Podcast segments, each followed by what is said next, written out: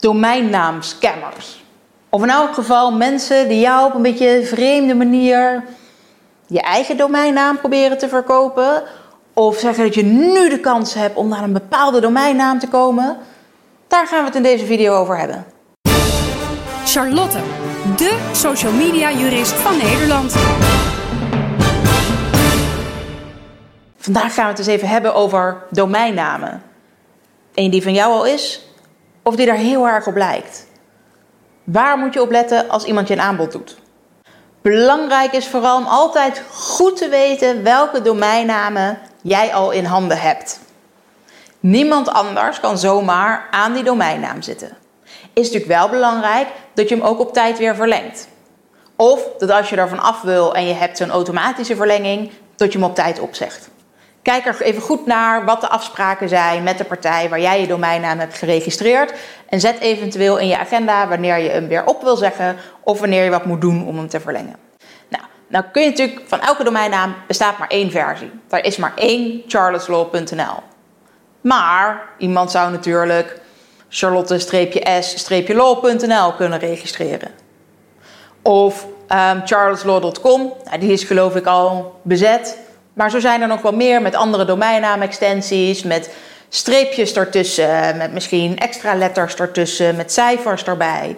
Waardoor je een domeinnaam krijgt die heel erg lijkt op die van jou, maar die niet hetzelfde is.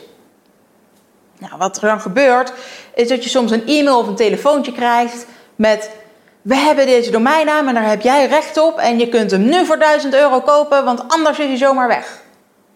Uh, ja, kijk, als die domeinnaam vrij is, kon je hem op elk moment gewoon kopen. Daar is op zich nu niks aan veranderd. Als hij eerst bezet was, was het kennelijk voor jou toch al niet zo interessant. Dat hij nu vrijkomt, ja, kijk, als het nou een domeinnaam is die jij heel erg graag wil hebben, dan is het het misschien wel waard. Maar eigenlijk hoef je hier dus helemaal niks mee te doen.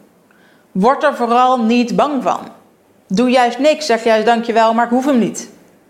Zo krijg je bijvoorbeeld ook heel vaak mailtjes met... misschien ben je wel geïnteresseerd in, die en die domeinnaam. Die is hartstikke interessant voor je. Goed verkooppraatje erbij. Maar als ik toch niks wil met die domeinnaam... dan ga ik daar niet op in.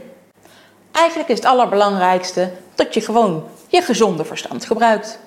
Kortom, jij weet welke domeinnaam jij hebt. Een andere domeinnaam die daarop lijkt, die mag door iedereen geregistreerd worden.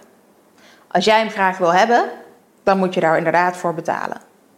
En ja, het kan best zijn dat iemand die domeinnaam zo lang vasthoudt in de hoop dat jij daar ooit heel veel voor betaalt. Eigenlijk is het pas zo dat als jij een merkenrecht hebt voor jouw naam, dat iemand anders die domeinnaam niet zomaar zou mogen kapen. In alle andere gevallen is gewoon wie het eerst komt, die het eerst maalt. Zo simpel is het. Ik hoop dat ik je zo toch iets meer duidelijkheid heb gegeven over hoe dat nou werkt met domeinnamen.